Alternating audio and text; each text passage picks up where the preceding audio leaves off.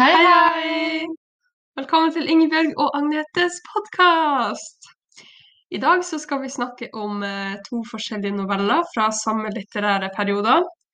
Det ene det er Et dukkehjem av Henrik Ibsen og Kanes jul av Amalie Skram. Så Ingebjørg, kjenner du deg igjen i de her tekstene? Ja, vet du hva? En gang så ble jeg faktisk stengt inn i et kott. Og da var det like før jeg frøs i hjel, for det var så kaldt ute. Nei, ikke sånn da. Men har du noen gang måttet komme deg ut av et uh, kontrollerende forhold, f.eks.?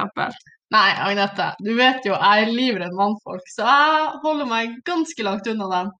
Men jeg har jo hørt noen rykter om at du har måttet gjøre det. Ja, bare én gang, da. Da var det sånn at jeg seriøst, jeg fikk ikke lov å være med mine egne venner eller gjøre ting uten han. Er det mulig? Det blir jo nesten som Nora i et dukkehjem, det. Ja, det blir det. Men har du noen gang vært fattig, da? Ja, du vet, jeg har jo hest. Eh, så fattig, det er jeg jo hele tida. Men eh, klarer meg, det gjør jeg. Og her i Norge har vi jo faktisk støtteordninger som eh, kan hjelpe folk hvis de mister jobben. Og det hadde de ikke på tida da Karen levde. Ja, det er sant. Nei, det er sant. Men eh, fra spøk til eh, alvor her. Vil du presentere Karens jul og eh, forfatteren av den novella? Det kan jeg gjøre. Karen har ingen andre steder å være enn inne i fergemannshuset på kaia, fordi madam Olsen, som hun har tjent hos, er syk og oppe i fjellet. Karen har en liten baby på fanget som er pakket inn i noen filler og et tørkle. Hun vet ikke hvem faren til barnet er, så hun kan i hvert fall ikke forsørge den. Hun kjenner heller ingen andre som kan hjelpe henne å finne et annet sted å oppholde seg. Det var en veldig tragisk historie, som har en sørgelig slutt med at både Karen og barnet hennes dør i kulda. Denne teksten er skrevet av, av, av Amalie Skram, altså kalt Bertan Amalie Alver Skram. Hun ble opprinnelig født i Bergen i 1846 og døde i 1905 i København. Hun er den aller viktigste naturalistiske forfatteren i den norske litterære Mener du kanskje i den norske litteraturen? Ja. Hun skrev uh, mye inspirert av egne livserfaringer, og kritiserte også kvinners levevilkår på lik linje med andre kjente forfattere, som Camilla Kotlen. Nei, Collett. ja, ja. Hun var veldig opptatt av ekteskap og kjærlighet. Og også ekteskap uten kjærlighet, som i romanen Constant Ring, skrevet i 1885. Uh, andre kjente verk av henne er Karens jul eller Hyllemyrsfolket, som var en serie som hun ga ut over ti år. Her får vi virkelig et innblikk i hvordan samfunnet var på denne tiden, og at man ikke kunne komme seg ut av samfunnet man var født inn i. Men eksempel uh, hvis du var født inn i en slavefamilie, så kom du til å forbli slave resten av ditt liv. Dette er gode eksempler på naturalistiske trekk, ettersom det handler om sentrale tema som fattigdom, arv, miljø, tabuevner og seksualitet. Nå har jeg snakka lenge nok, så nå gleder jeg meg til å høre om et dukkehjem og hvem som har skrevet den. Ja, det kan jeg godt fortelle om. Det var da altså han Henrik Ibsen som, eh, som skrev den novella, eller det teaterstykket, da. Eh, og han var en dramatiker som eh, skrev da utgangspunktet skuespill for teatret. Han ble født i 1828, og så døde han i 1906, så han levde jo da på samme tida som Håvard Skram. Og han skrev i hele fire forskjellige litterære perioder gjennom hans forfatterskap i Norge. Og det var da nasjonalromantikken, eh, historisk idédrama, romantisk realisme og symbolpsykologisk periode. Og han blir ofte omtalt som eh, dramaens far.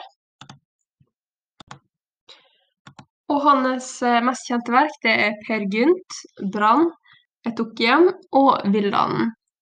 Og han ble da naturalist etter hvert, og tekstene hans fikk en verre og verre avslutning som følge av det her.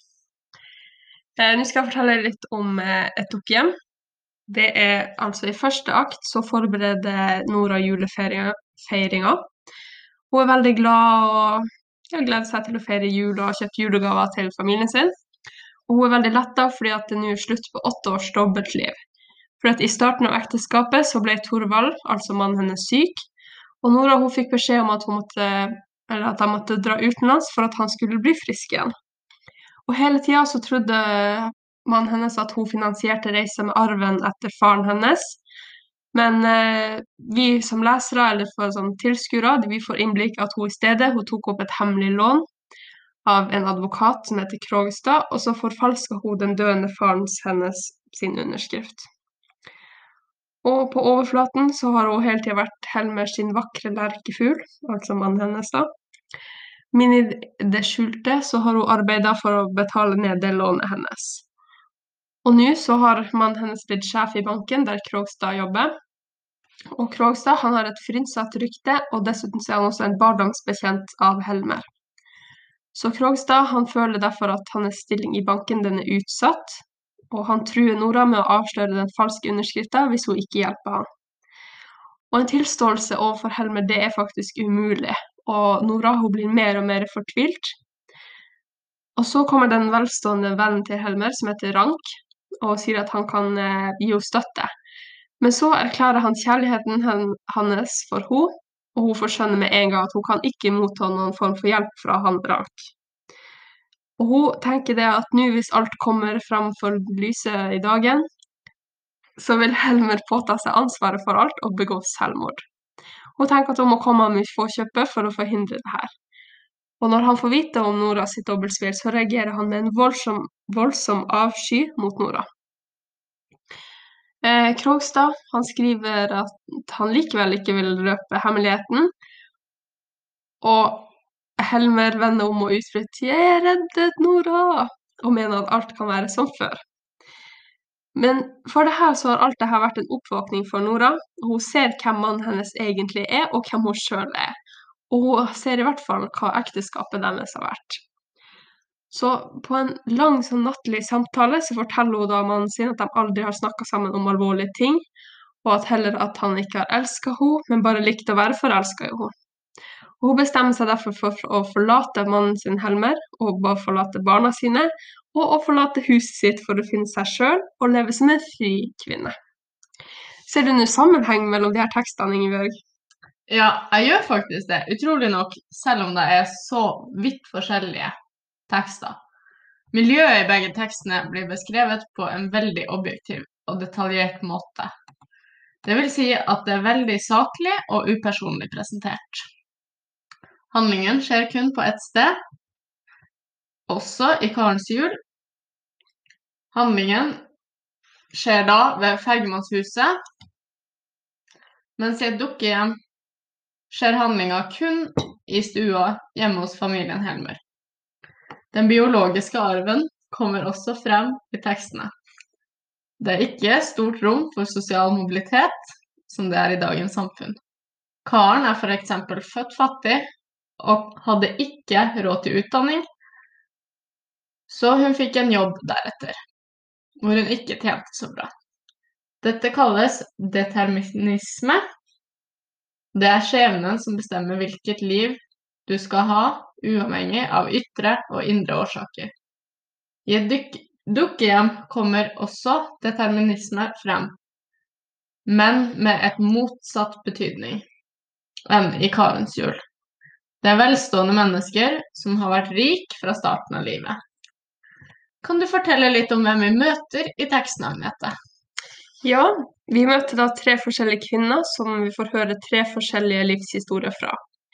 Det er Karen i Karens jul, og så er det Nora og Kristine i et dukkehjem.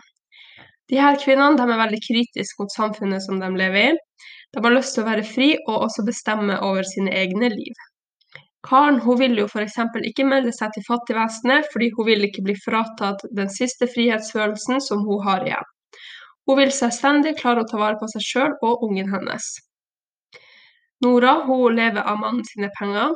Hun har ingen jobb, og så har hun også en barnepike som tar seg av ungene hennes. Hun har vokst opp med en ganske rik far, og så gifta hun seg også med en rik mann, så hun har hele tida vært vant til å bli forsørga av, eller over, da. Det var forventa at Nora skulle være ei glad og livlig jente uten for mye og uten for mange sterke meninger. Hun har hjemmeværende uten jobb, og man kan nesten sammenligne henne med en pyntegjenstand. Det var hennes jobb i anførselstegn å underholde gjestene og passe på at huset så fint og vakkert ut. Etter hvert så går hun også lei og bestemmer seg å forlate sitt trygge hjem for å leve et fritt liv. Om hun Kristine så får vi høre en litt annen historie igjen. Det at Hun gifta seg med en mann som hadde godt med penger, så hun kunne hjelpe med å forsørge familien sin. Mannen hennes døde ganske tidlig, og da ble hun enke. Så da måtte hun ta ansvar sjøl og skaffe seg en jobb. Man kan sammenligne henne litt mer med den moderne kvinna, fordi hun skaffa seg en jobb og klarte å jobbe seg oppover i samfunnet. I slutten av stykket så forlater jo Nora mannen og barna og sier at hun skal finne seg sjøl og leve fritt. Og det tror jeg ikke hun hadde gjort hvis hun ikke hadde sett at Kristina også hadde klart det. Det er også en del naturalistiske trekk i begge de her tekstene. Kan du fortelle mer om det, Ingebjørg? Ja, i begge tekstene uh, beskriver miljøet det foregår i på en veldig naturalistisk måte.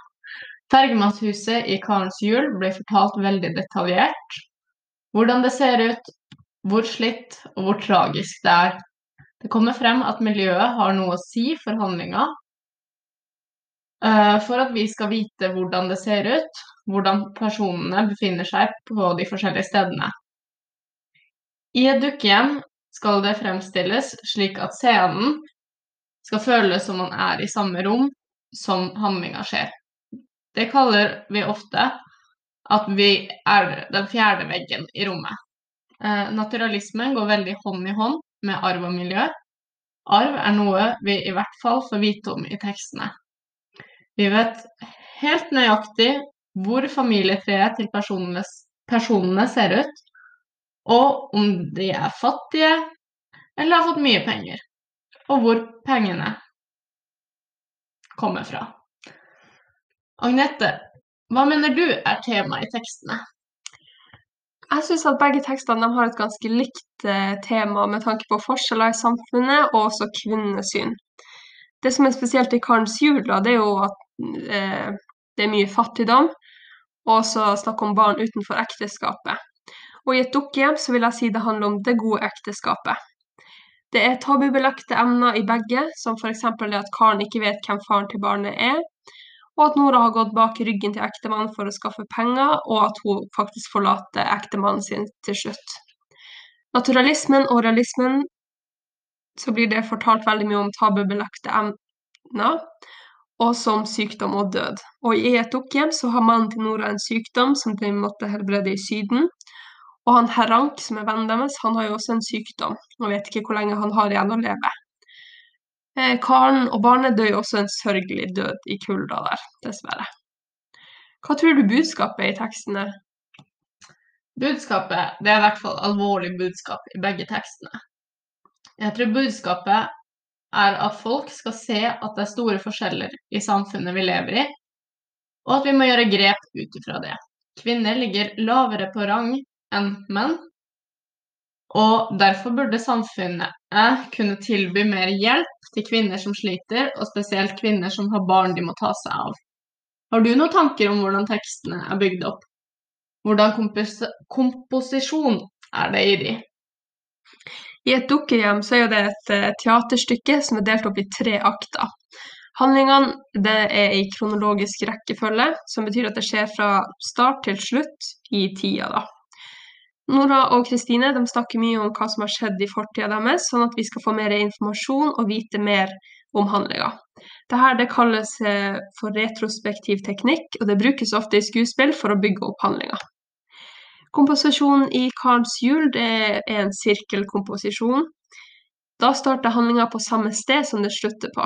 Og vi hører jo aller først om Fergemannshuset og hvordan det ser ut. Og det siste vi hører om i teksten, det er at Fergemannshuset det blir revet. Hva slags virkemidler har de brukt i eh, Karens jul, Ingebjørg? De har brukt virkemidler på en slik måte at det skal høres realistisk ut. De snakker et veldig realistisk språk som er lett å forstå. Vi hører at politimannen og Karen har forskjellige dialekter, og dermed forstår, vi samtidig at de er fra ulik sosial rang. Språket er at de Eller det er skrevet i de og dem, som gjør at det føles litt gammeldags og mindre moderne. Karen fødte barnet sitt eh, i juletiden, noe som Maria i Betlehem også gjorde. Eh, Jomfru Maria var fattig, slik som Karen i novellen. Det kan også være et form for symbol eller et virkemiddel. Det er vinter, kaldt, og det får leseren til å reagere på at det er vanskelig for Karen å bo der hun bor, og gjør det mye vanskeligere nå enn hvis det hadde vært på sommeren. Teksten er også skrevet i presens, som er nåtid. Hva tenker du om virkemidler i et dukkehjem? Eh, ja, det er flere symboler å frampeke i et eh, dukkehjem. Huset til eh, Nora og Helmer blir framstilt som et dukkehjem eller en slags lekestue, og det er et symbol som forfatteren bruker. Nora hun var jo da Helmer sin dukke, og hjemme hos faren så var hun alltid hans dukkebarn. Eksempel på frampek er at i begynnelsen sier Nora at hun, og, ja, at hun har noe alvorlig hun må snakke med Helmer om. Og det er første gang de som mann og kone snakker alvorlig sammen. Det viser at det er noe alvorlig Nora vil ta opp, og at det kommer til å skje noe senere.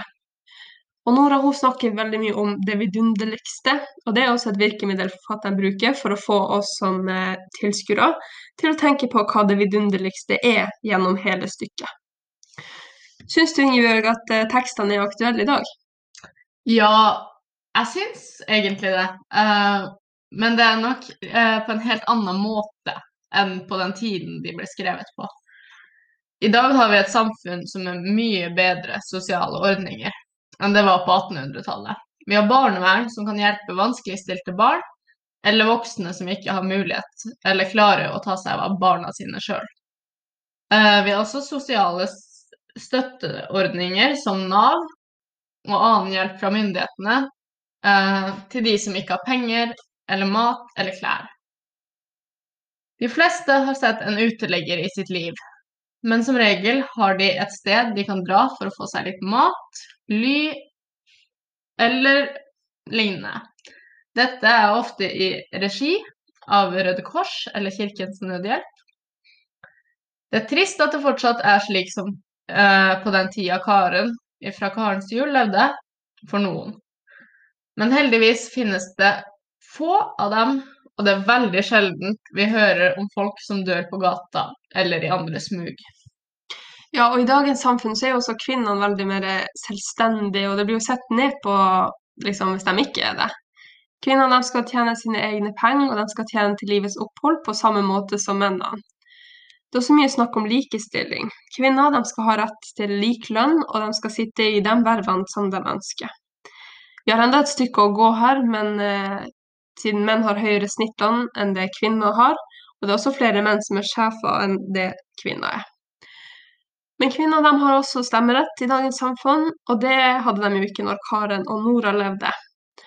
Samfunnet er også mer åpent for skilsmisse enn det var på den tida.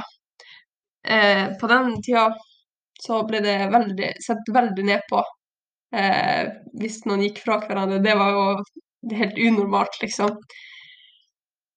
Eh, og, men på dagens tid så er det mange som velger å ikke gifte seg, og det blir også født mange barn utenfor ekteskap uten at noen ser ned på det eller tenker noe over det. Så vi kan trygt si at kvinnesynet har utviklet seg mye siden 1800-tallet. Det er blitt satt lys på likestilling, og den har kommet en lang vei, selv om vi enda har en vei å gå. Det er store forskjeller i de forskjellige landene, og Norge er nok de landene, et av landene som har kommet lengst, og vi har brukt det her som utgangspunkt i sammenligninga. Vi kan se at det er mange likheter i disse tekstene, enda så ulike de er. Det er damer som er hovedperson i begge. Vi får høre en del om deres liv, og i slutten av tekstene får det en drastisk endring. Tekstene har også noen like trekk, med tanke på kvinnesyn, fattigdom og ulikheter i samfunnet. Selv om disse skildrer de på to forskjellige måter. I Karens jul møter vi Karen, som er født fattig hun mister jobben fordi hun er gravid, og både hun og ungen fryser i hjel fordi hun ikke har råd til husrom. Mens i et dukkehjem møter vi Nora, som lever et velstående liv, men har måttet ta lån for å kunne ta med mannen til Syden så han skulle bli frisk. Hun havner senere i knipe siden hun har forfalsket en signatur og har ikke råd til å nedbetale lånet. I slutten av stykket drar hun fra mann og barna for å finne seg sølv. Vi møter også Kristine, som måtte gi slipp på sin kjærlighet for å gifte seg rik for å ha råd til å hjelpe familien med penger. Hun blir senere enke, skaffer seg en god jobb og finner tilbake til sin tidligere kjærlighet. Vi kan også lett plassere dem inn i den tidsepoken de tilhører. Vi kan finne flere naturalistiske trekk i begge tekstene, og de har på en måte en lik start, der alt er nøye beskrevet og vi fort blir satt rett inn i handlinga. Vi kan også dra likheter til dagens samfunn, selv om mye har endra seg de siste 200 åra. Vi har klart å få mer likestilling mellom kvinner og menn. Staten har også tatt grep og laget støtteordninger for de som mister jobben, og de som får barn. Det var det vi hadde å fortelle om i dagens episode. Eh, jeg må bare beklage for at jeg er helt språkfordirva og eh, ikke klarer å skille dialektene mine. ja, ja. Nå skal Ingebjørg og Agnetes podkast ta seg en velfortjent vinterferie. Så vi takker for at du hørte på, og gleder oss allerede til neste ukas episode. Ha det bra! God ferie! God ferie! Ha det!